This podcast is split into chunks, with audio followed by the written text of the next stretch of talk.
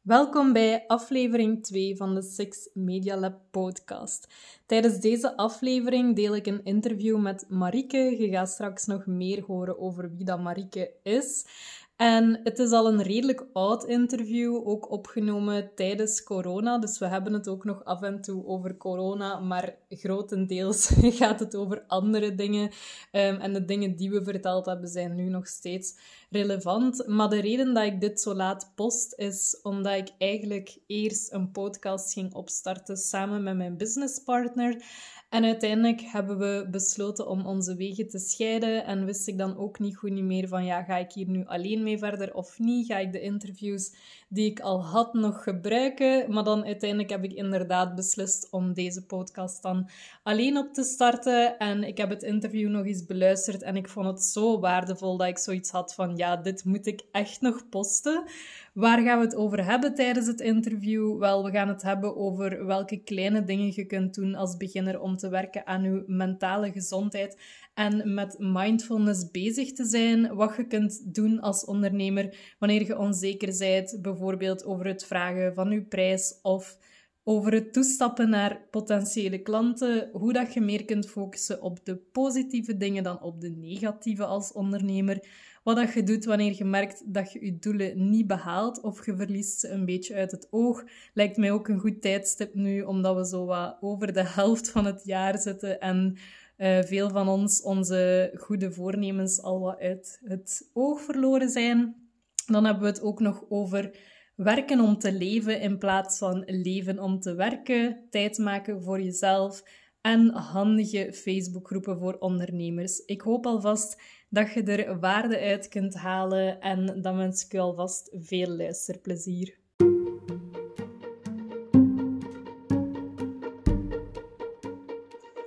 Welkom bij de Six Media Lab podcast. Super tof om u erbij te hebben. Ik ben uw host Jana Six en met mijn podcast wil ik u helpen meer naamsbekendheid en relaties op te bouwen via sociale media, zodat uw bedrijf en omzet groeien.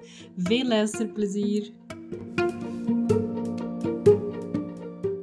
Mijn naam is Marika. Ik ben uh, orthomoleculair therapeut sinds uh, mei dit jaar.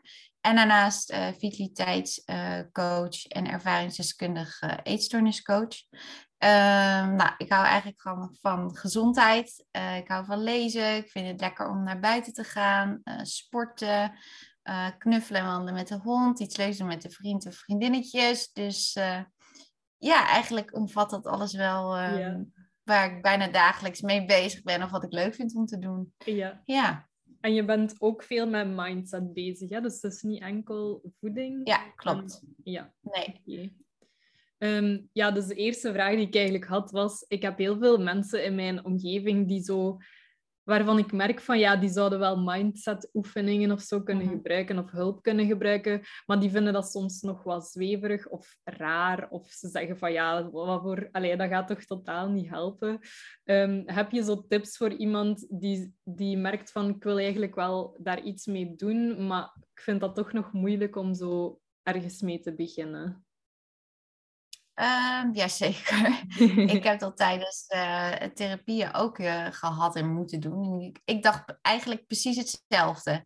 Oh, ja. dat is zweverig en ga echt niet aan beginnen. En dat is niks voor mij.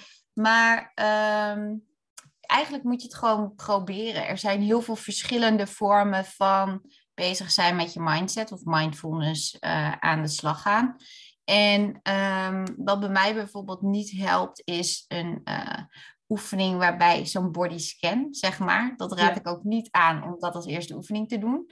Ehm, maar wat bijvoorbeeld ook kan helpen is, schrijf gewoon eens elke dag drie puntjes op uh, die goed zijn van die dag. Of uh, waar je dankbaar voor bent. Um, kijk of je iets van yoga kunt doen, of dat bij je past als je meer het actieve persoon uh, bent. En ook daar zijn weer heel veel verschillende opties in mogelijk. Maar op die manier ben je ook heel mindful bezig. En niet alleen met je in je hoofd, maar ook juist uh, die connectie weer maken met je lijf. En uh, mindfulness vind ik echt uh, die connectie vinden met zowel je lijf of in je lijf komen, als rust creëren in je hoofd en je bewust worden van alles om je heen of waar je zelf ook mee bezig bent, zeg maar. Ja. Dus dat zou de eerste stap kunnen zijn voor iemand. Ik vind het ook tof dat je yoga aanhaalt, want voor mij was dat... Ehm, ik heb eigenlijk zo via yoga een beetje ontdekt van, ah ja, dit is meer dan gewoon mijn... Allee, ik was met yoga gestart om meer zo te stretchen of zo wat tot rust te komen.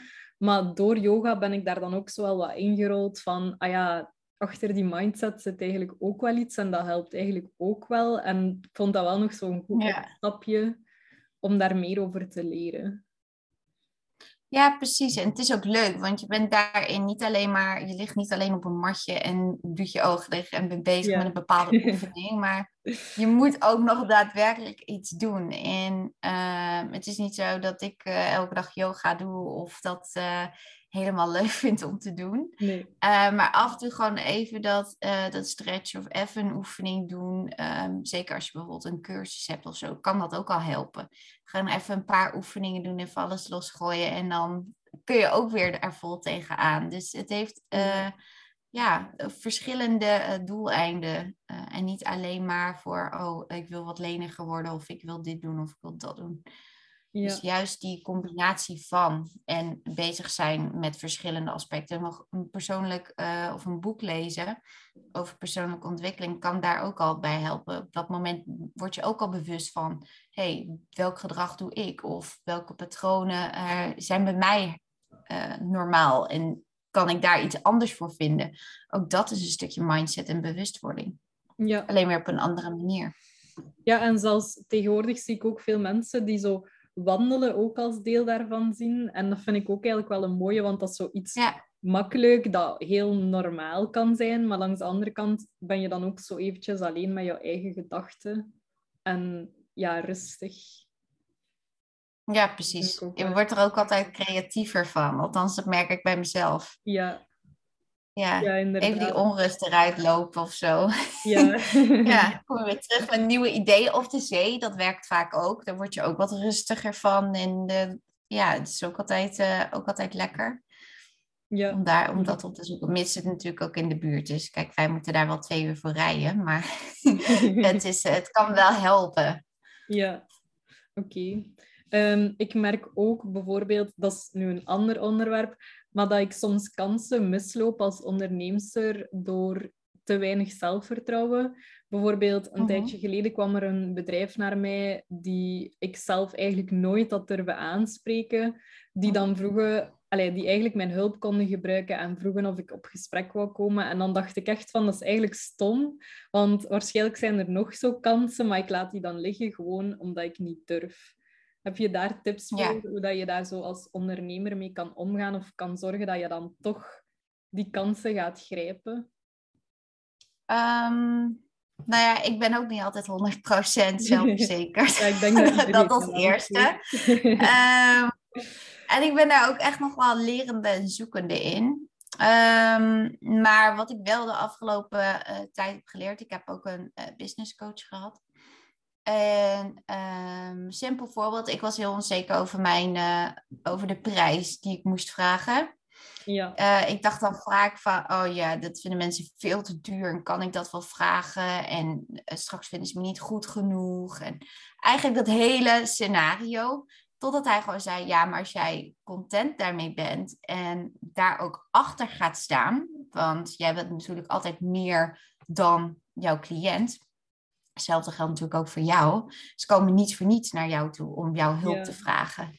Dus ehm, door meer daarin te geloven, uh, niet alleen in je eigen bedrijf, maar ook in ik kan inderdaad die ander helpen. Ik heb daar die opleiding voor gedaan. Ik heb de expertise voor een bepaald onderwerp of uh, mijn niche. Ik weet zeker dat ik die mensen kan helpen.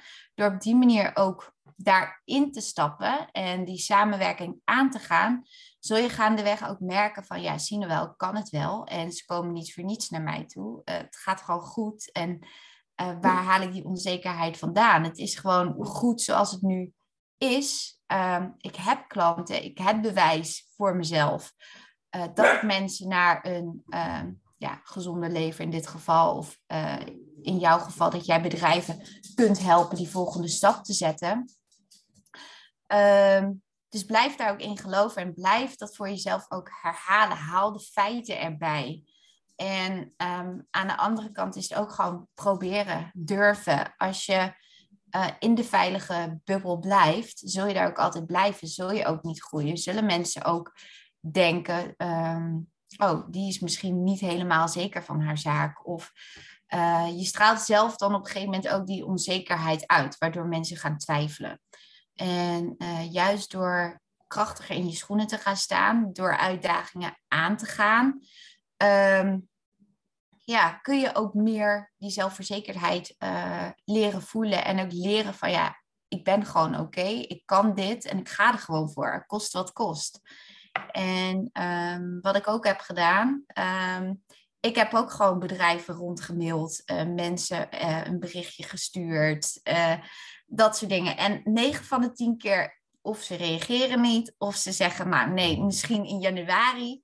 Maar uiteindelijk heb je wel dat zaadje al geplant. Um, hetzelfde geldt als je gaat flyeren. Uiteindelijk lezen ze misschien dat wel. Er is een zaadje geplant. Vervolgens neem je misschien na drie maanden weer een keer contact op.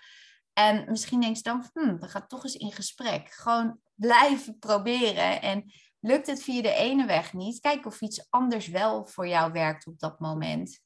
Um, zolang je ook maar daarin blijft oefenen en je successen blijft vieren, zodat daarin ook je zelfvertrouwen blijft groeien. En um, dat je dat aandacht geeft en niet alleen focust op, oh, wat gaat niet goed, maar kijk juist naar, hey, wat gaat wel goed en hoe kan ik bijvoorbeeld mijn aanbod nog beter maken? Of investeer daarin ook in jezelf, van hoe kan ik een nog betere coach uh, worden?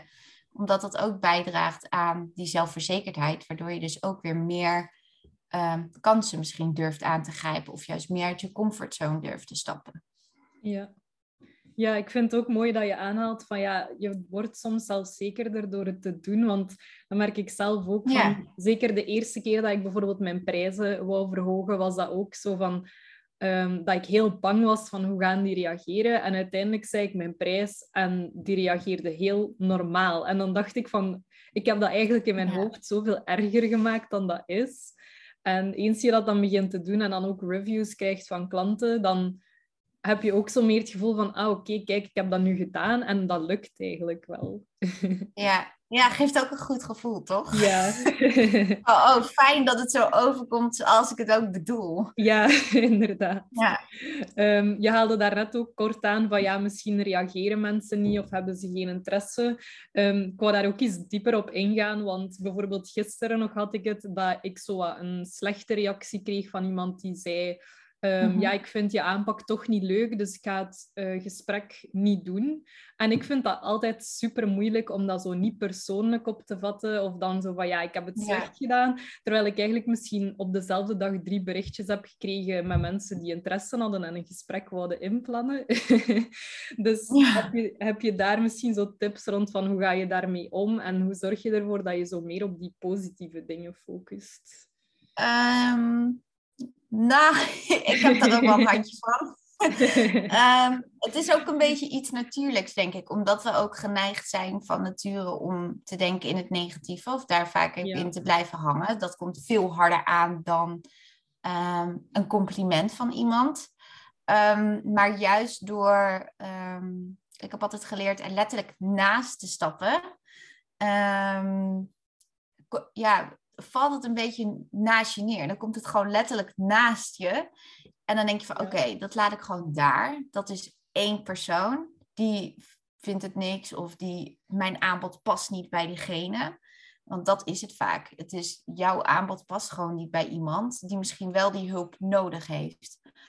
Um, is helemaal oké. Niet iedereen kan jou even leuk vinden of even aardig of even goed of uh, noem maar op. Vind je zelf ook niet.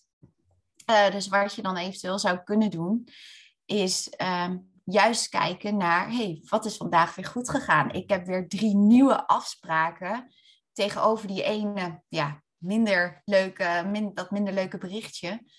Uh, heeft dat nou echt zoveel waarde, die ene cliënt die ehm, niet bij mij past? Want zo zie ik het tegenwoordig, dat diegene past dan gewoon niet bij mij zou ik dan ook die persoon willen coachen op dat punt? Nee, eigenlijk ook niet, want je haalt daar zelf ook geen voldoening uit. Dus dan focus ik me liever op die mensen die ik op dit moment coach, waar ik energie van krijg, die nieuwe aanmeldingen waar ik zin in heb om die mensen te leren kennen. Ehm, en waarschijnlijk gaat het ook zo voor jou, dat jij ehm, op die manier uh, ja, met mensen kunt werken die je ook daadwerkelijk verder kan brengen dan die ene persoon die denkt van ja, nou, ik wil eigenlijk hulp, maar aan de andere kant weet ik ook niet goed wat voor soort hulp of waar ik het zoeken moet of wie ik dan moet vragen. Ik denk dat je eerder moet kijken naar die persoon, dat ligt bij hem of haar uh, in dit geval, dat kan natuurlijk ook. Um, die is onzeker, die weet niet wat diegene wil of nodig heeft.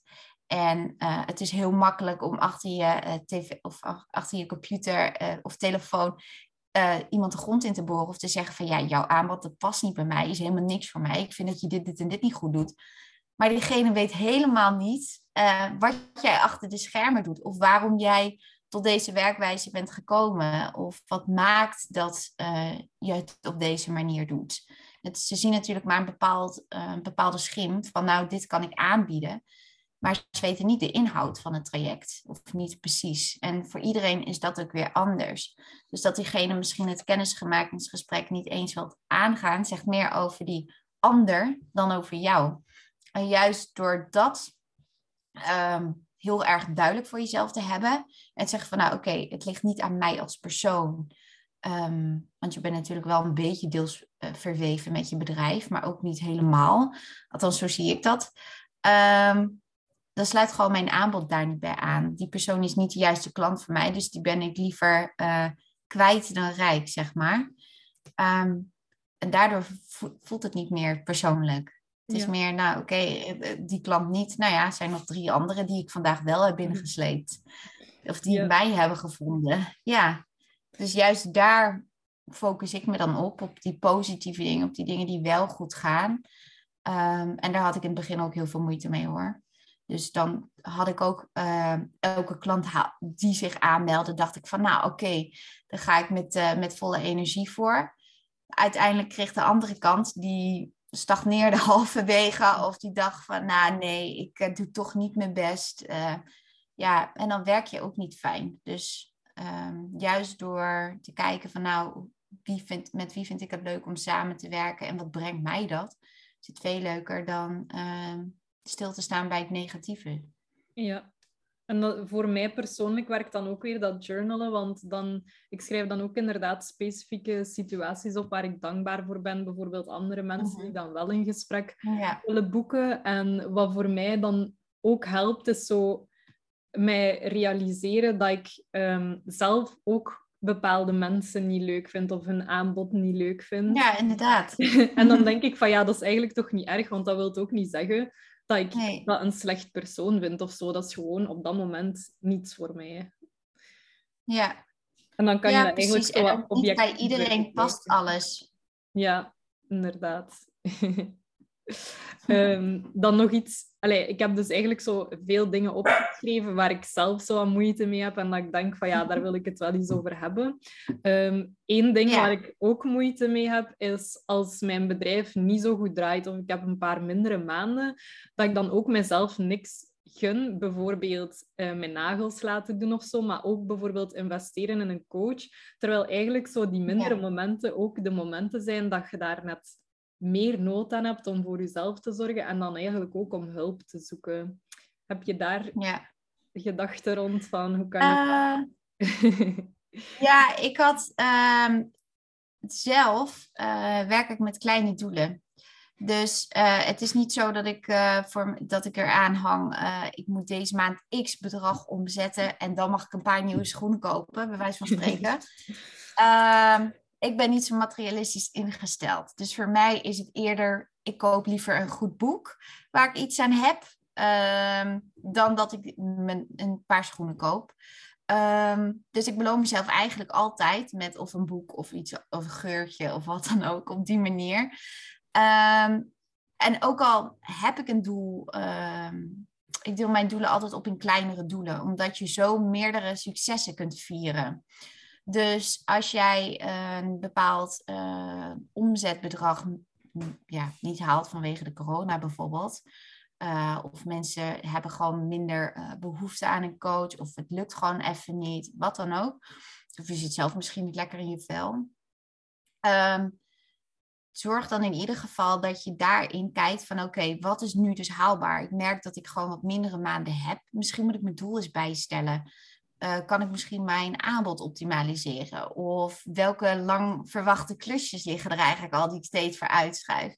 En juist door daar naar te kijken en te kijken van nou oké, wat is dus nu haalbaar? Um, stel dat dat is, ik moet de administratie nog doen van afgelopen maand zet dat gewoon als doel voor die week en trakteer jezelf ehm, daarna toch op dat geurtje of op je nagels te laten doen of naar de kapper gaan of op een maaltijd die je mag bestellen. Net waar jouw prioriteit ligt op dat moment of wat je leuk vindt om jezelf cadeau te doen. Ehm, maar vier dat gewoon elke keer. En of dat nou een maanddoel is of een weekdoel of een jaardoel. Uh, een jaardoel zou ik belonen met iets groots. En die kleine dingetjes tussendoor, of die kleine maanddoelen, uh, stel dat je dat fijn vindt werken, koop een boek. Ga lekker uit eten een keer of doe dat op die manier. Maar zorg in ieder geval wel dat je elke keer iets hebt om te vieren en niet alleen maar dat grote doel in het vooruitzicht hebt. Um, van, oh, ik moet dit jaar echt een succesvol bedrijf hebben, want ja, dat is ook niet helemaal realistisch natuurlijk. Dus uh, dat is iets wat voor mij heel erg werkt. En um, door het af en toe ook gewoon te relativeren, te relativeren van ja, maar wanneer draait mijn bedrijf dan goed? Is dat als, uh, X, als ik X-standaard heb bereikt? Of is het als ik, uh, zoals mijn voorbeeld, het heb behaald? En past dat eigenlijk überhaupt wel bij mijn eigen bedrijf? Eh, dat soort dingen. Ik denk dat je ook heel erg moet kijken naar nu, op dit moment. En wat is gewoon bijvoorbeeld voor de aankomende drie maanden haalbaar. En focus je daarop. Um, uiteindelijk hebben we allemaal een einddoel, maar dat is niet altijd meer realistisch gaandeweg. Je komt altijd obstakels tegen of um, het gaat misschien persoonlijk niet zo goed. Of er verandert persoonlijk in jouw eigen leven iets. Of je merkt van nou, iets met mijn bedrijf loopt niet helemaal lekker. Ik ga toch het aanbod bijvoorbeeld helemaal omgooien. Of ik ga een hele andere kant op. Ehm, ja, misschien past dat dan helemaal niet meer bij jouw einddoel. En zul je wel je weg naar je einddoel, plus je einddoel zelf, ook moeten veranderen of aanpassen. En mag je ook de weg ernaartoe um, ja, tegenslagen hebben en ervan leren, mag je dat tussendoor ook van jezelf aanpassen. En uh, daarmee aan de gang blijven gaan. Het is niet zo dat als jij eenmaal een plan hebt gemaakt, dat je je daar ook voor een jaar aan moet houden. Nee, dat is voor niemand mogelijk. Ja, als alles je voor de wind gaat misschien, maar dat komt bij heel weinig personen voor. Dus um, ik denk juist dat je wat meer stil mag staan bij, hey, wat gaat al goed? Wat kan ik eventueel aanpassen op dit moment? Um, waar loopt het wat minder lekker? En um, ja, door daarnaar te blijven kijken en te blijven relativeren van hey, is mijn doel eigenlijk nog wel haalbaar? En hoe kan ik mezelf uh, iets leuks gunnen? Want ook dat mag. En desnoods zet je elke maand uh, gewoon een bepaald bedrag opzij. Um, wat je bijvoorbeeld kunt sparen uh, voor iets leuks. Of waar je elke maand iets leuks van mag doen voor jezelf. Het is ook gewoon heel menselijk om dat te doen ja, gewoon normaal om het leven te leven en eh, te genieten en leuke dingen te blijven doen. Hoort er ook gewoon bij. dat is waar. En ik vind het ook tof dat je zelf over die doelen begon, want daar had ik ook zo wel nog, um, ja, eigenlijk voor mezelf zo wat vragen rond. Want um, ja, ja. Uh, vorige week was het denk ik, vroeg iemand mij van, ja, stel je doelen voor het nieuwe jaar? En ik had zoiets van, ja, eigenlijk stel ik elk jaar doelen, maar ik merk dat ik oh. daarmee nooit aan houd of dat plan niet meer bekijk. En ik denk dat dat dan vooral is omdat als ik één van die dingen dan niet behaald heb of denk van oké, dat gaat niet lukken, dan smijt ik heel dat plan overboord en kijk ik er eigenlijk niet meer naar. Ja. dus jij zou waarschijnlijk vooral aanraden om dan gewoon vaker te herevalueren en te kijken van ja, ja. is dat haalbaar? spreek bijvoorbeeld met jezelf. Uh, ik moet dat ook regelmatig doen en mezelf daar ook uh, aan houden hoor. Ik schrijf het gewoon op. Maar uh, plan er gewoon een vast moment voor. En dat is niet iets wat je bijvoorbeeld elke week moet doen. Als je zegt van nou, ik heb bijvoorbeeld de drie maanddoelen. En um, daar wil ik, dat leidt uiteindelijk tot mijn hoofddoel. Um, evalueer bijvoorbeeld, elke eerste van de maand. Hoe is afgelopen maand gegaan? Heb ik mijn doelen behaald die ik wilde behalen? Loop ik nog steeds op schema? Maar dat je in ieder geval voor jezelf daarin een, vaste, uh, ja, een vast moment creëert. En uh, ook dezelfde vragen eigenlijk continu stelt. Van goh, loop ik nog op schema? Past het doel nog bij waar ik mee bezig ben? Wat gaat goed? Wat gaat wat minder? Wat, waar mag ik wat meer de focus op leggen? wat zijn de puntjes voor deze maand waar ik in ga investeren? is het een business coach? Is het een advertentie? Um, een beetje op die manier. En kijk daarin gewoon, ook afhankelijk natuurlijk van je doel. Kijk daarin wat je op dat moment ook nodig hebt om die aankomende maand of die aankomende twee maanden jouw doel uh, te kunnen realiseren. Is dat haalbaar in die acht weken? Is dat, um, kan je dat alleen? Heb je daar hulp bij nodig? Mag je daar ook van jezelf hulp bij vragen? Uh, of ben je daarin heel streng voor jezelf? Um, daar heb ik nog een handje van. dat ik niet te snel hulp vraag en eerst alles zelf uitzoek. Maar uiteindelijk ben je dan dubbel zoveel tijd kwijt. En dan ben je nog nergens. Of dan werkt het niet. Um, en natuurlijk is het ook zo van, goh, um, kan, ik er, uh, kan ik ervan leven? Kan ik er leuke dingen van doen? Uh, ben ik alleen maar met mijn bedrijf bezig op een leuke manier? Of krijg ik er helemaal geen energie meer van? Um, dat zijn natuurlijk ook dingen die daarin meespelen en die uh, je daarin ook wel moet meenemen met je doel. Um, omdat niet alleen werken aan je bedrijf is belangrijk. En zeker als je net startende ondernemer bent, is het gewoon belangrijk om te investeren. Uh, qua tijd en energie en geld. Want je moet jezelf daarin toch op de kaart zetten en zien dat het loopt. Je kan niet zeggen out of the blue, ik ga vandaag beginnen en ik zie wel waar het schip strandt.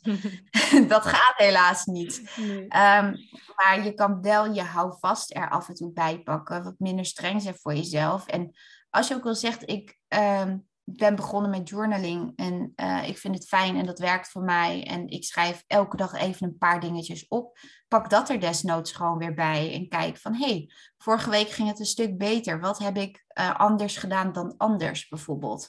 Als de keer niet lekker loopt. En uh, ook dat kun je weer gebruiken om je doelen te optimaliseren of te kijken van nou, hoe krijg ik meer klanten? Hoe kan ik beter voor mezelf zorgen?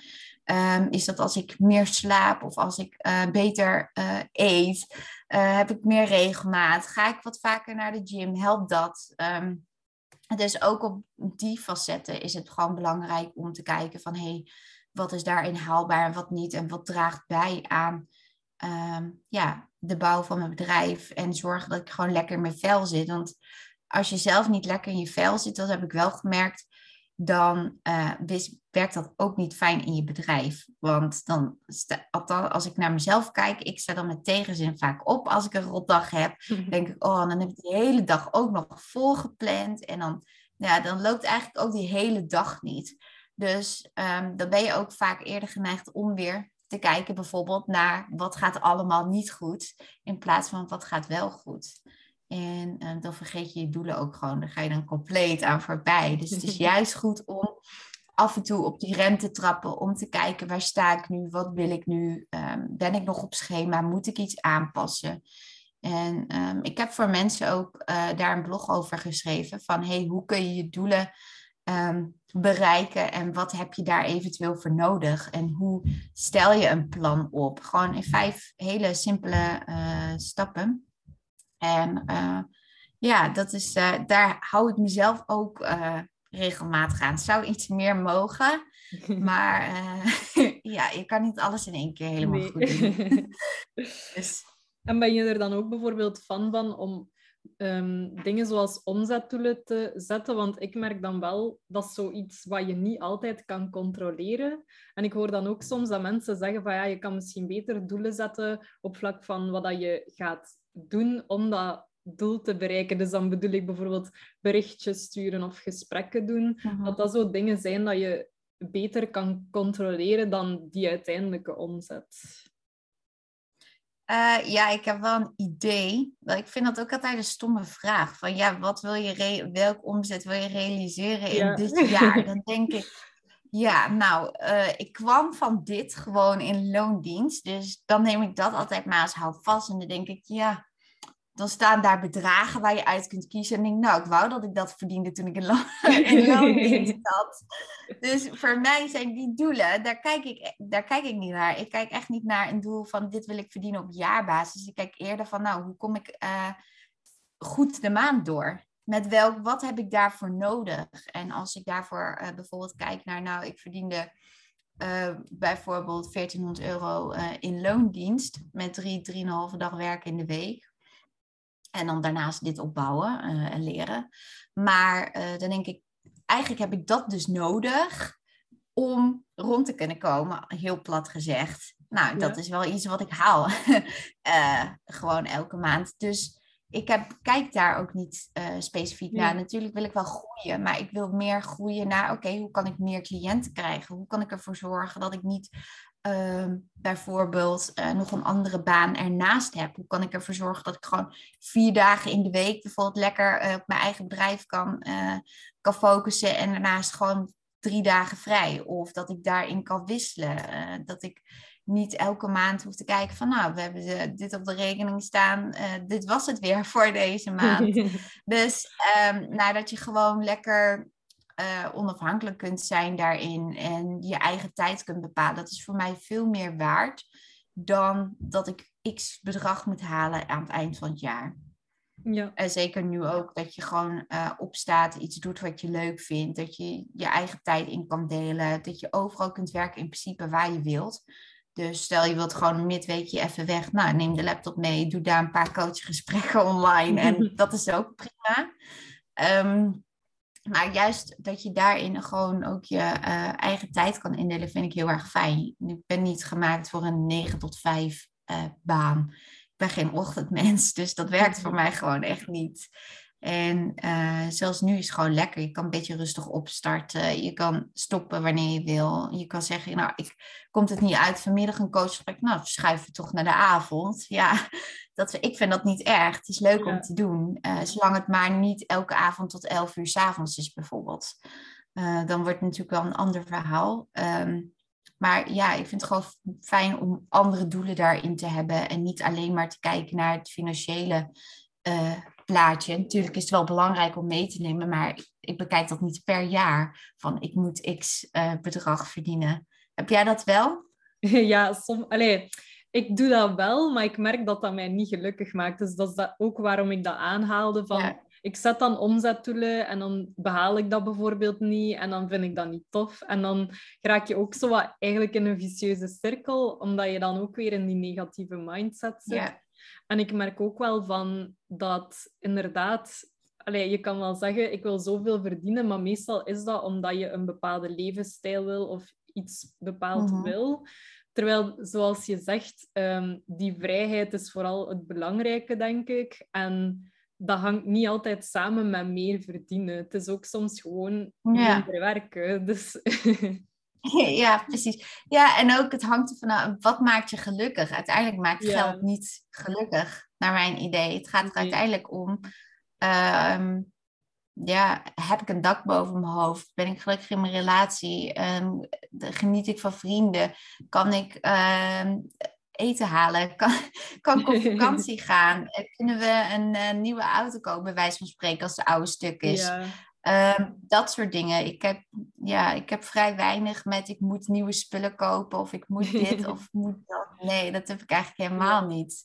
Ik ben blij als ik geld achter de hand heb als de wasmachine een keer stuk is of wat dan ook. Of als je zegt van nou, ik werk uh, omdat ik een ander huis wil of uh, omdat we die wereldreis willen maken. Dat is natuurlijk een heel ander doel dan ik wil x aantal uh, euro's verdienen, want dan ben ik rijk. Of dan voel ik me ja. gelukkig. Of dan heb ik mijn doel bereikt. Ja, en dan? Dan heb je je doel bereikt. En ja, ik denk niet dat iemand dan gelukkig is of voldaan als je uh, een hele volle rekening hebt. Ja. Ik kan me, althans, ik kan me dat niet voorstellen. nee, ik, ik denk dat dat vaak ook dat mensen dat hebben, omdat dat een middel is om naar hun doelen toe te werken. Maar ik ben nu, ik weet ja. niet of je dat boek al gelezen hebt, The 4-Hour Work Week. Nee. Uh, ik, ik had hem ik al gelezen. Ja, en ik ben het nu opnieuw aan het lezen. En hij zegt eigenlijk van ja, dat is Tim Ferriss, een boek van Tim Ferriss. En hij zegt eigenlijk van relatief, um, ja, hoe moet ik dat zeggen? Het, eh, hoeveel dat je verdient per uur eigenlijk is belangrijker dan Mhm. hoeveel je verdient in totaal. Want als je bijvoorbeeld vier uur werkt, maar je verdient in die vier uur wel veel, is dat veel beter. Want je kan dan ook, allee, je Ja. hebt dan veel meer vrijheid en zo. Dus bij hem, hij ziet meer zo geld als een middel om de dingen te kunnen bereiken die je wil, maar daarnaast ook tijd. Want Ja. tijd is ook belangrijk om de dingen te kunnen doen die je graag wil doen. Dus Ja. ja, dat is eigenlijk wel een mooie. Dat Ja. het- ja. Anders leef je om eh, te werken, terwijl het eigenlijk andersom moet zijn. Ja, Je werkt om, eh, om te kunnen leven voor een, groot, eh, voor een groot gedeelte. En eigenlijk wil je dat werk eens leuk maken en zo weinig mogelijk. ja. Althans, want dan kun je natuurlijk het meest gewoon lekker leven en doen en laten wat je wil daarin. ja. Dus ja, dat, dat, daar ben ik zeker een voorstander van. En dan hoeft Ja. het voor mij niet vier uur per week te zijn. Maar ja, dat, dan zou ik ook niet weten wat ik met al die vrije tijd aan moest. dus eh, ja, Ja, maar het is- ik snap het wel. ja, het is gewoon een interessant concept, wel hoe dat hij dat zo uitlegt, vind ik. Ja. Eh, denk je trouwens dat wij ook veel dingen van onze opvoeding meekrijgen over mindset of over hoe wij ons voelen over bepaalde dingen? Ehm, ja, die vraag vond ik wel een lastige. Want ik kom uit een.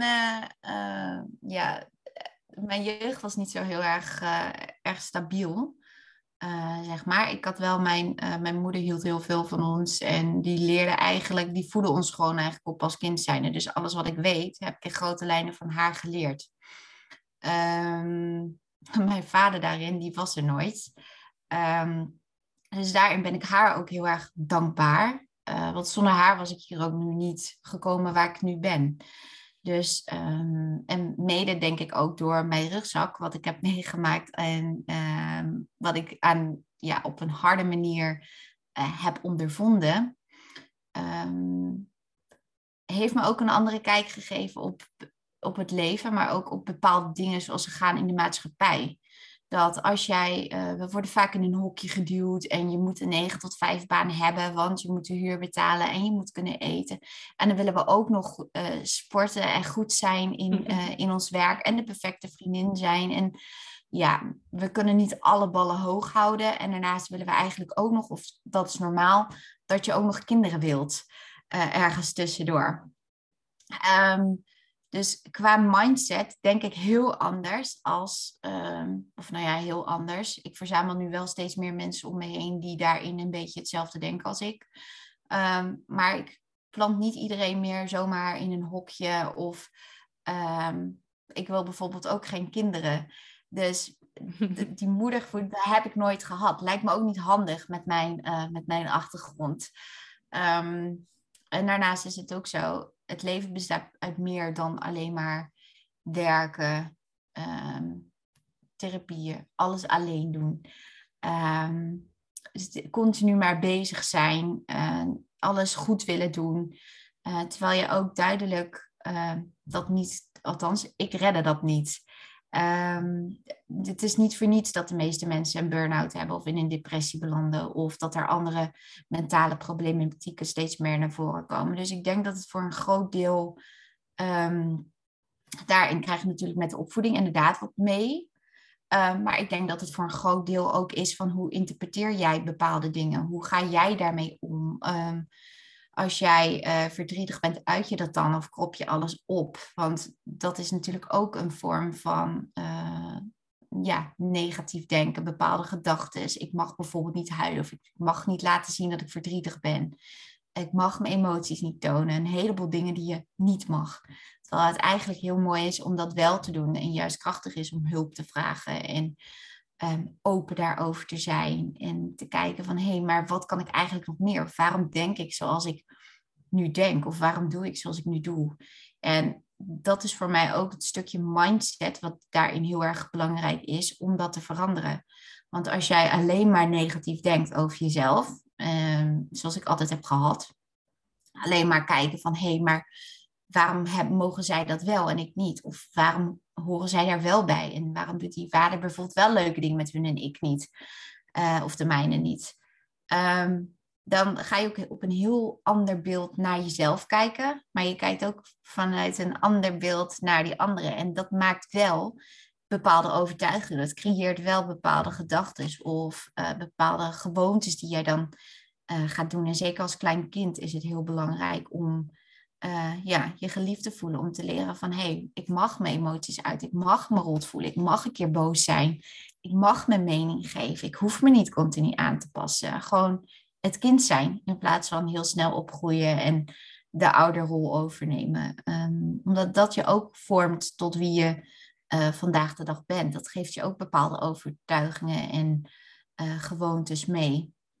Dus um, ik denk dat je voor een groot deel. Um, en misschien zitten daar ook wel meerdere mensen in vast hoor. Dat weet ik ook natuurlijk niet. Uh, maar wat ik herken bijvoorbeeld bij mijn coaching is dat mensen ook de lat zo hoog leggen daarin voor zichzelf. Oh, ik, maar ik mag dit niet. En ik vind mezelf niet goed zoals ik ben.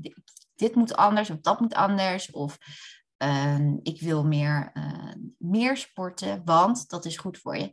En als ik eenmaal ben afgevallen, dan pas ben ik gelukkig met mezelf. Of dan vind ik mezelf goed genoeg. Maar uiteindelijk draait het helemaal niet daarom. Uiteindelijk draait het om je mindset. Van welke overtuiging heb je over jezelf? Waarom denk je zoals je nu denkt? En waar komt dat vandaan? Dat vind ik heel interessant. Althans, ben ik in de afgelopen jaren ook door mijn eigen uh, therapieën en alles daaromheen, uh, ben ik me daar ook steeds meer in gaan verdiepen. Van hé, hey, maar hoe komt het dat je zo en zo denkt? En waarom doe je dat? En heb je enig idee waarom je dan bijvoorbeeld schaamt? Of waarom je aan het emotie eten bent? Wat ervaar je op dat moment? En um, het is heel mooi als je ook ziet dat mensen daarin op een gegeven moment kunnen veranderen. En die verandering merk ik ook echt wel bij mezelf. Dat ik anders denk. Uh, het is niet altijd natuurlijk positief, want dat heeft niemand. Um, dat is ook niet haalbaar. Um, maar ik herken het wel eerder van hé, hey, ik, ik, ga weer die negatieve kant op. Ik blijf er weer even in hangen. Oké, okay, schop onder de kont en er weer voor gaan en even met de andere uh, gedachten uh, er tegenaan. En uh, gewoon weer positief blijven, die focus houden en kijken wat wel goed gaat, wat je al wel hebt bereikt. Eigenlijk is dat ook gewoon iets waar je vaker op terug mag kijken. En um, ja, en blijf erover in gesprek. Ik denk dat dat ook heel belangrijk is. Om er gewoon over in gesprek te blijven met wat zit jou dwars, waar strul je mee, vraag om hulp. Um, en dat kan er bij iedereen zijn. Je kunt je ouders om hulp vragen of om even te sparren. Je kan naar een psycholoog, je kan naar een andere therapeut, je kan naar de sportschool om je ei kwijt te kunnen. Voor iedereen is dat ook weer anders.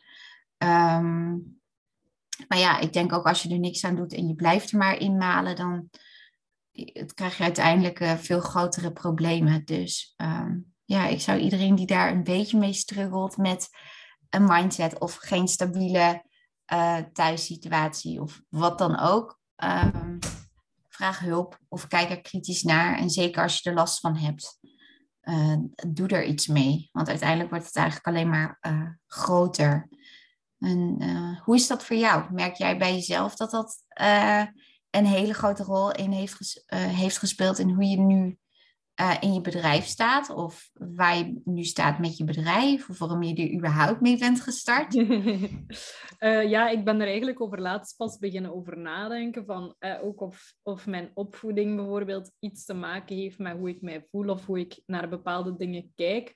Ik denk ja en nee. Ik herken mijn verhaal ook wel in u, want ik ben ook vooral door mijn mama opgevoed. Um, ik heb ook geen kinderwens bijvoorbeeld. dus dat was ja. wel herkenbaar voor mij. Um, Iets wat ik bijvoorbeeld heel lastig vond, is dat ik heel veel last heb van faalangst. Ik denk dat dat sowieso iets is dat in mijn karakter lag, dus niet per se door mijn ouders. Maar ik merkte wel soms... Dat het vroeger ook gehad. Ja. ja. Maar ik merkte dus door mijn opvoeding... Um, dat dat soms wel, allee, dat mijn ouders daar niet mee omgingen op de manier die ik hoopte. Maar dat ligt ook niet per se aan hen, denk ik, maar iets waar dat je al gevoelig ja. voor bent en dan soms dat dat versterkt wordt, zo gezegd. Dus ik denk dat het inderdaad beiden is, want je zei van het is ook hoe dat je ermee omgaat. Ik denk dat zo ja. allebei wel iets kan hebben. ja, dat denk ik ook hoor. Ja. ja. Um, en dan ook wat je zei van, dat vond ik ook een mooie van mensen wachten vaak van als ze zeggen, als ik zoveel ben afgevallen of zo, dan ga ik gelukkig zijn. Of als ik dat heb bereikt, ga ik gelukkig zijn. Ehm, ik had dat heel hard gemerkt bij mijn studies, want ik had daar ook enorm veel faalangst door en ehm, stress. En ik dacht altijd van, kijk, als mijn studies achter de rug zijn en ik heb mijn diploma, dan gaan al mijn problemen, uh, problemen opgelost zijn. en dan uiteindelijk studeerde ik af, maar ik had wel nog altijd stress. En dan merkte ik van, oké, dat is niet enkel door mijn studies. Ik krijg gewoon echt wel snel stress van dingen. En dan besefte ik pas van, ik heb dat eigenlijk mezelf wijsgemaakt dat dat van mijn studies was. Maar eigenlijk is dat gewoon iets waar ik mee moet leren omgaan. Ja, ja je, het is vaak misschien ook een uivige zoeken in. Van, oh, maar dat ligt daar aan en niet aan mezelf. Echt die externe factoren, die zoeken we graag op. En we geven ook vaak anderen graag de schuld van... Ja, maar dat ligt aan hem of dat ligt aan haar dat ik zo doe. Of dat ik zo reageer. Maar uiteindelijk is diegene die... Um, wakkert iets in jou aan uiteindelijk ben je zelf degene die die woede oproept, of die liefde voelt, of die blij is, of die verdrietig is. En die ander houdt je alleen maar ja, een spiegel voor, of die triggert je met iets, met een bepaalde opmerking, of wat dan ook. En vaak is dat iets vanuit vroeger, wat je ehm, hebt meegemaakt, of wat je nog niet helemaal hebt verwerkt, of waar je eigenlijk al een hele lange tijd mee rondloopt, maar niet uh, durft te erkennen misschien. Um, zeker ook met die stress van, oh, dat is van die studie.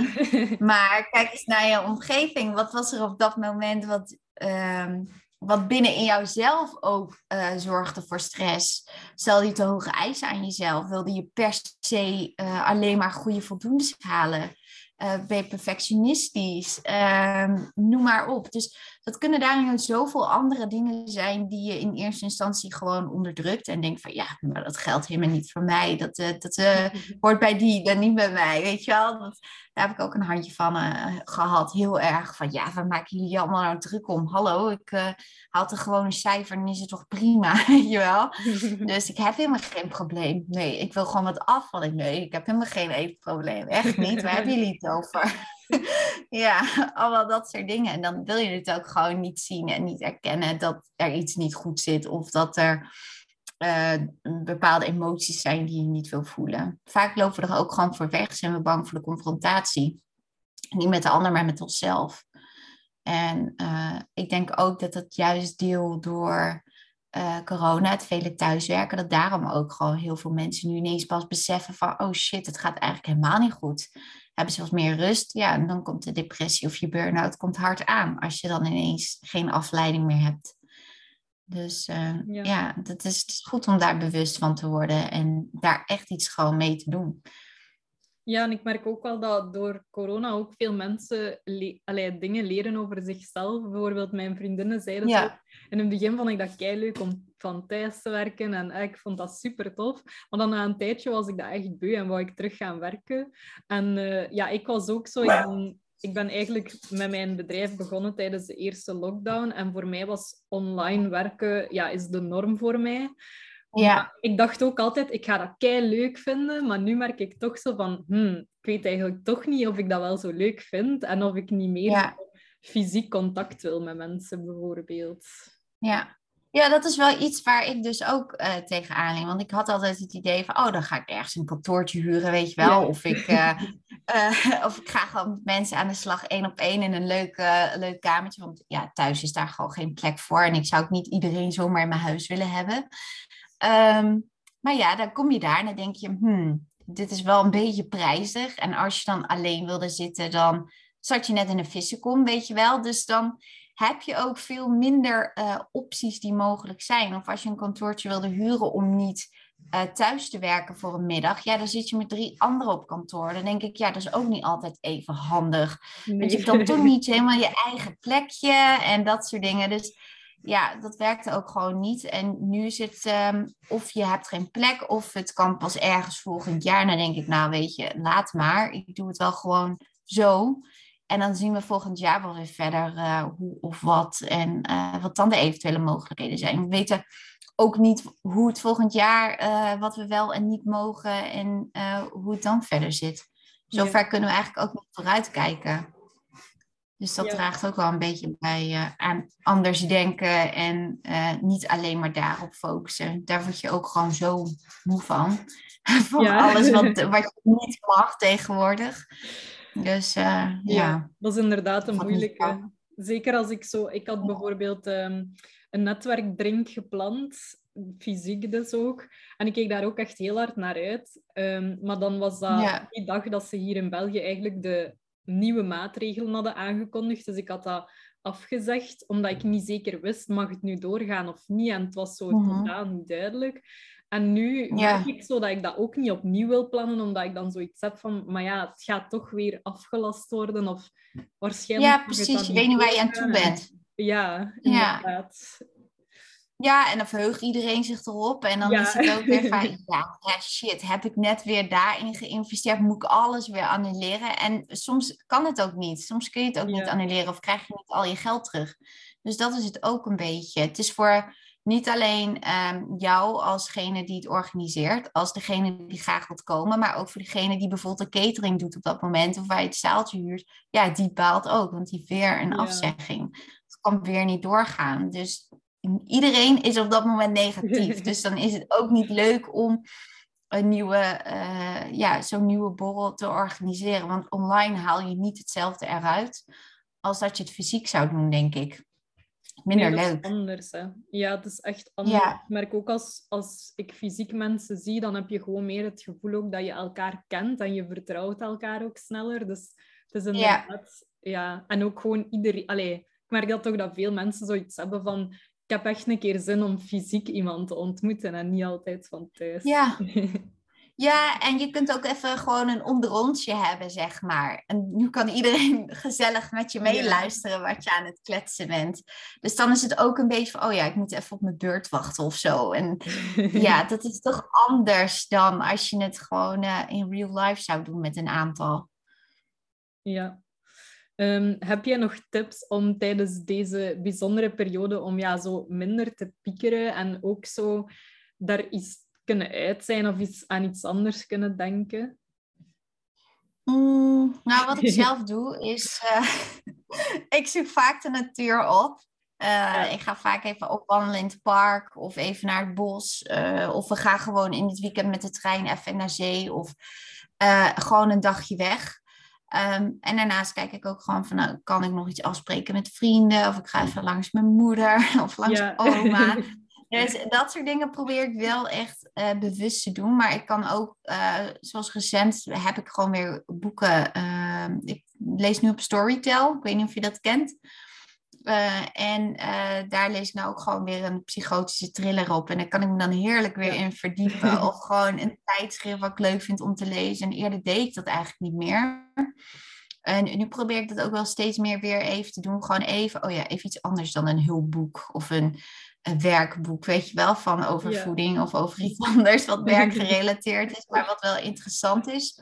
Um, maar ja, gewoon ook even iets anders. Of een spelletje spelen op de computer. Of we hebben nu ook thuis weer een hele hoop um, van die of kaartspelletjes of weer een bordspel. Keer op keer is heel leuk. En Uno bijvoorbeeld.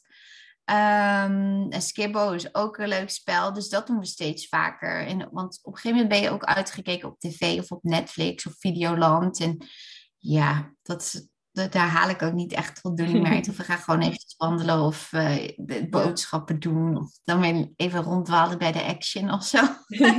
dus dat soort dingen doen we dan wel. Dus dat vind ik ook wel echt gewoon leuk. Um, dus, en verder ook uh, ja, het onderscheid tussen werk en vrij, dat is ook vrij klein. Dat heb je dan eigenlijk, althans als ik naar mezelf kijk, ik vind het hartstikke leuk om te werken. En ik kan me daar echt gewoon helemaal in verliezen. En dan niet alleen met gesprekken of met podcast, uh, zoals nu. Of, uh, maar bijvoorbeeld ook gewoon met een flyer maken. Of bezig zijn met een studie. Of uh, dan weer even dit doen. Of dit weer dat idee uitwerken en daarmee aan de slag. En oh ja, ik wil ook nog dit doen, weet je wel. Dus op een gegeven moment is ook die balans een beetje zoek. Dan zit je soms zo twaalf uur per dag, uh, ben ik af en toe gewoon bezig met mijn werk, zeven dagen per week. En dan zijn dat wel allemaal verschillende dingen die je aan het doen bent.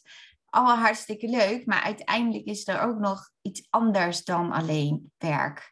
En nu ga je niet zo makkelijk meer naar de bioscoop of even naar de sportschool of je doet wat anders. Dus ik vind juist dan ook die dagjes weg, als we die uh, plannen, vind ik juist heel erg leuk. En daar kan ik dan ook echt wel naar uitkijken. En dat hoeft voor mij ook niet een hele dag te zijn.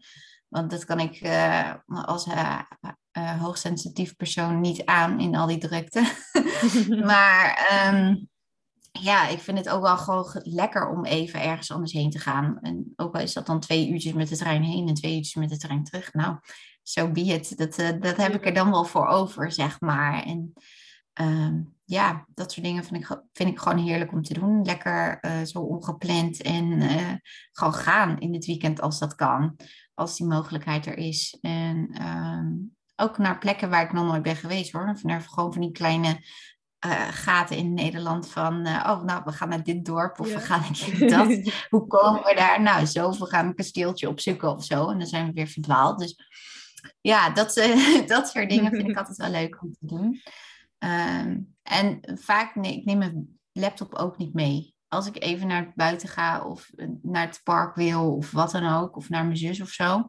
Ik neem de laptop bewust niet mee, want anders dan ga ik toch weer iets anders doen of je zit te werken. En het kan af en toe heel rustgevend zijn. Gewoon buiten even met je laptop bezig zijn, een blog uittypen of zo.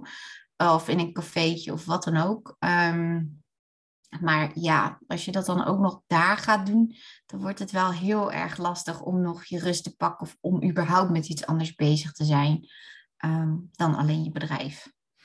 Ja, en dat is denk ik of ook persoonlijke ontwikkeling. Ja, ik denk ook wel, een, voor mij dan toch een positieve kant aan corona is wel zo dat ik die dat ik kleine dingen meer heb leren appreciëren. Bijvoorbeeld gaan zwemmen, ja. nu echt zo'n uitje.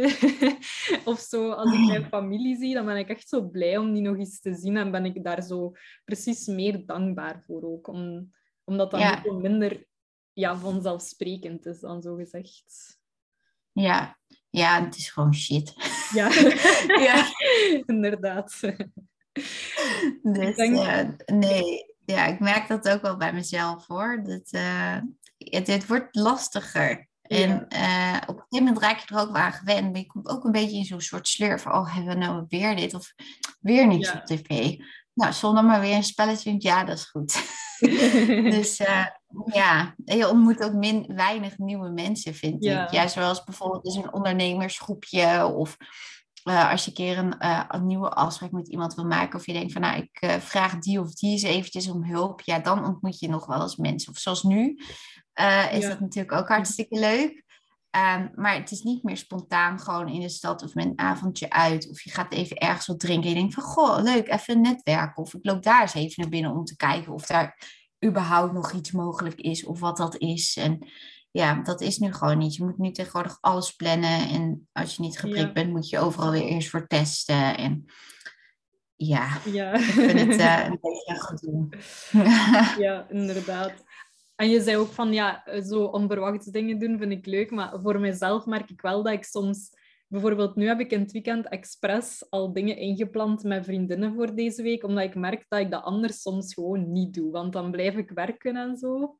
Dus ja. soms kan dat voor mij net helpen om dat wel in te plannen. Dat ik ook zeker ben dat ik iets ga doen en iets heb om naar uit te kijken. Ja, ja dat, is, dat daar heb je wel een punt. Ik merk ook met vriendinnen moet dat zeker. Want iedereen die heeft weer een andere ja. dienst. Of die werkt op een ander ritme. Of die kan weer niet. Of... Dus um, ik heb ook een hoop die wonen in het buitenland. Dus dat schiet helemaal niks op. dus die spreek ik wel, wel geregeld via de app.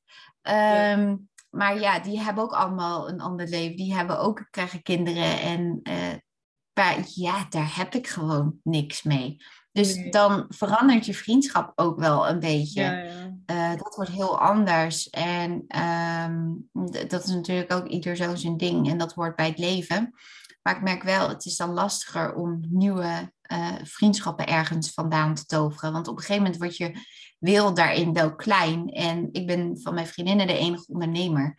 Dus ja. zij begrijpen dat ook niet altijd. En dat is ook lastig, want dan kun je ook niet met iemand sparren van... hé, hey, hoe doe jij dat? Of hoe pak jij dat op? Of waar loop jij tegenaan? Of uh, iets anders. Um, ja, die snappen dat niet. Die hebben een 9 tot 5 baan, die gaan naar huis. En ja, die hebben gewoon weekend. ja, prima, van vrije avond. Zo werkt dat als ondernemer zijn en niet. Ja.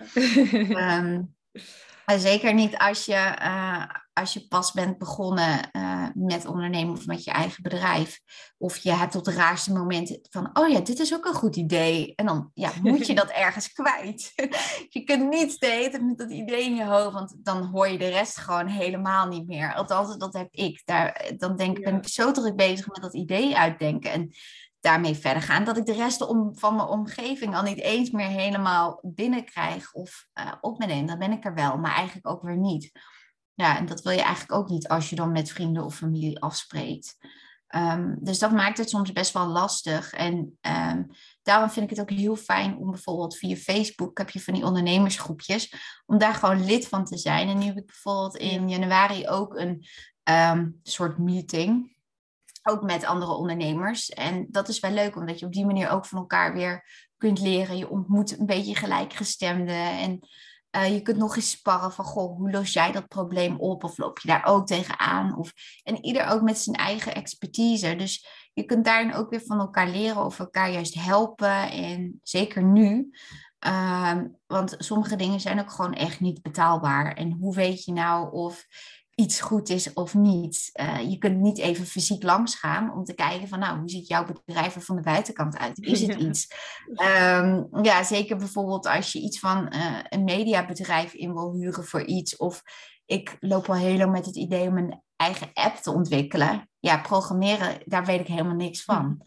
Dus hoe beoordeel ik nou um, aan de website, aan telefonisch contact? Want je ziet diegene uh, niet altijd direct of dat iets is, of die samenwerking iets is, of ik mijn uh, tienduizenden euro's, uh, wat dat ongeveer kost, daaraan wil uitbesteden. Is er een andere mogelijkheid? Um, dus ja, daarin ben je ook heel erg zoekende, maar je kunt bijna aan niemand advies vragen. Althans, in mijn directe omgeving kan ik daarin bijna niemand om advies vragen. Dus dat maakt het soms wel heel erg lastig om uh, niet te kunnen netwerken of niet naar dat soort borrels te kunnen nu. Of uh, ja. iets anders, wat bijvoorbeeld fysiek is, uh, om daarheen te kunnen gaan.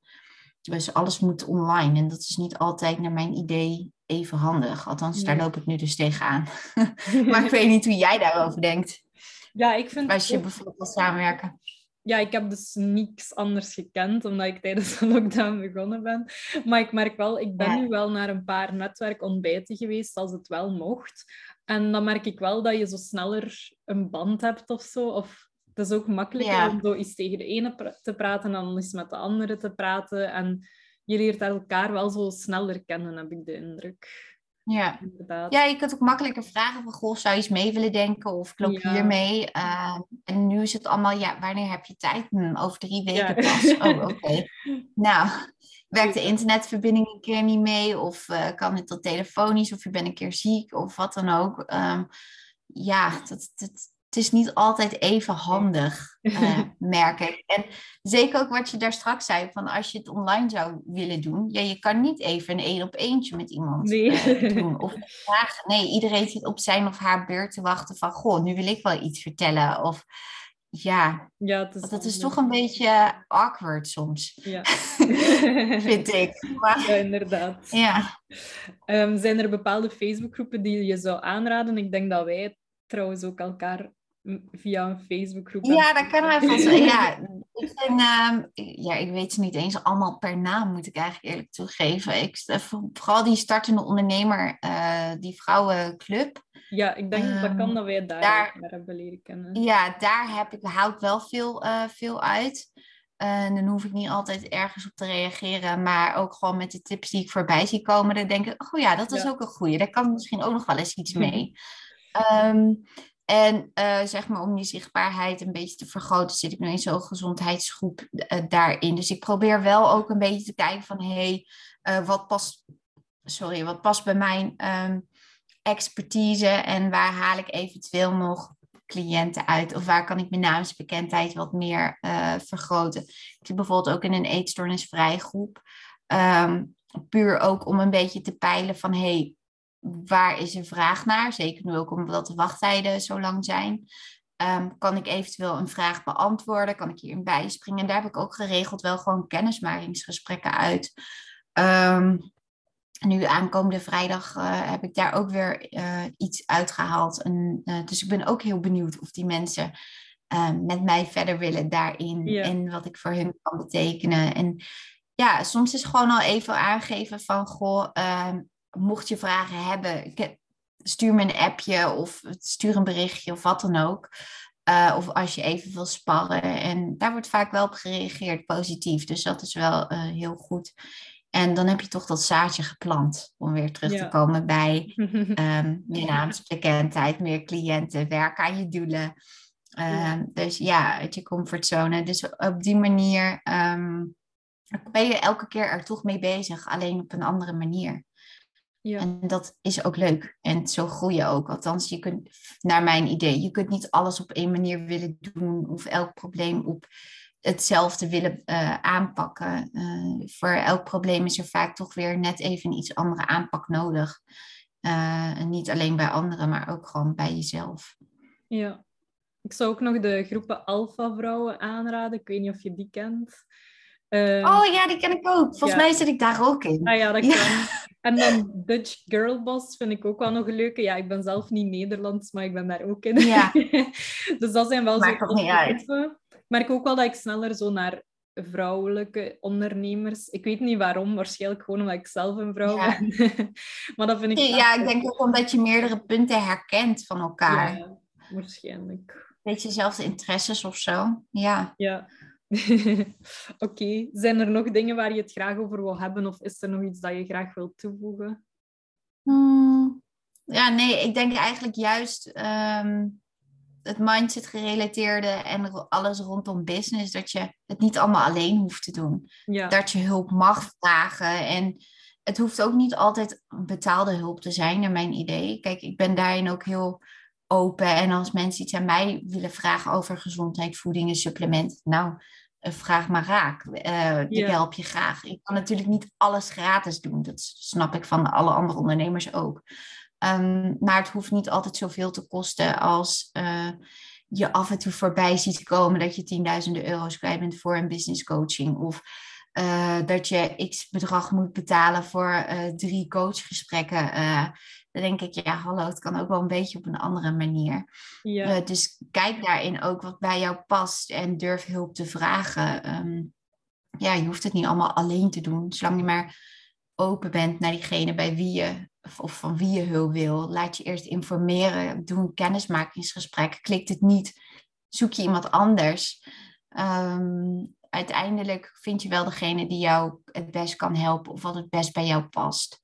Maar zolang je, het, uh, zolang je maar weet dat je het niet allemaal alleen hoeft te doen en je ook niet de enige bent die daarin struggelt. Er zijn zoveel ondernemers die, niet alleen ondernemers, ik denk dat er heel veel mensen zijn die struggelen met uh, een gezonde mindset, het creëren van gezonde gedachten, uh, uit die negatieve uh, cirkel komen, zichzelf niet continu naar beneden halen, faalangst gerelateerde, werken aan je doelen, um, die motivatie blijven vinden. Het is niet alleen maar in werk, het is ook in je privéleven. En, net zoals bijvoorbeeld met sporten, je kunt ook een bepaald sportdoel hebben en uh, dat niet behalen, ja, had je misschien de lat te hoog gelegd voor jezelf. Dus um, eigenlijk is het in alles, op alle gebieden zou je wel een doel voor jezelf kunnen stellen, zolang het maar haalbaar blijft en je geniet van het proces en er ook bij stil blijft staan. Ik denk dat dat ook wel uh, ja, gewoon heel belangrijk is om te blijven doen. Ja, dat ga ik zelf ook zeker meenemen, want dat was nog een... Ja, goed zo. Ik ook. Ik mag het ook nog wel wat meer verbeteren, dus ik ben daarin niet de enige. Als mensen meer over jou willen weten of ja, nog contact willen zoeken, waar kunnen ze jou dan vinden? Uh, nou ja, gewoon op mavita.nl en dat schrijf je M-A-E-V-I-T-A-E. Uh, .com. En daarnaast ook op die manier op Instagram, op Facebook is het uh, mavita.voedingsdeskundige. En uh, sinds kort sta ik ook op de coachingclub.nl. Dus daar kunnen mensen me ook vinden als ze uh, of een coachgesprek willen of een gratis kennismakingsgesprek. Dat kan eigenlijk altijd via alle kanalen. Je mag me altijd alles vragen. dus uh, ja, ik ben daar heel open, open en eerlijk in. Okay, en ja, ik vond het hartstikke leuk. Ja, dankjewel om dit te willen doen.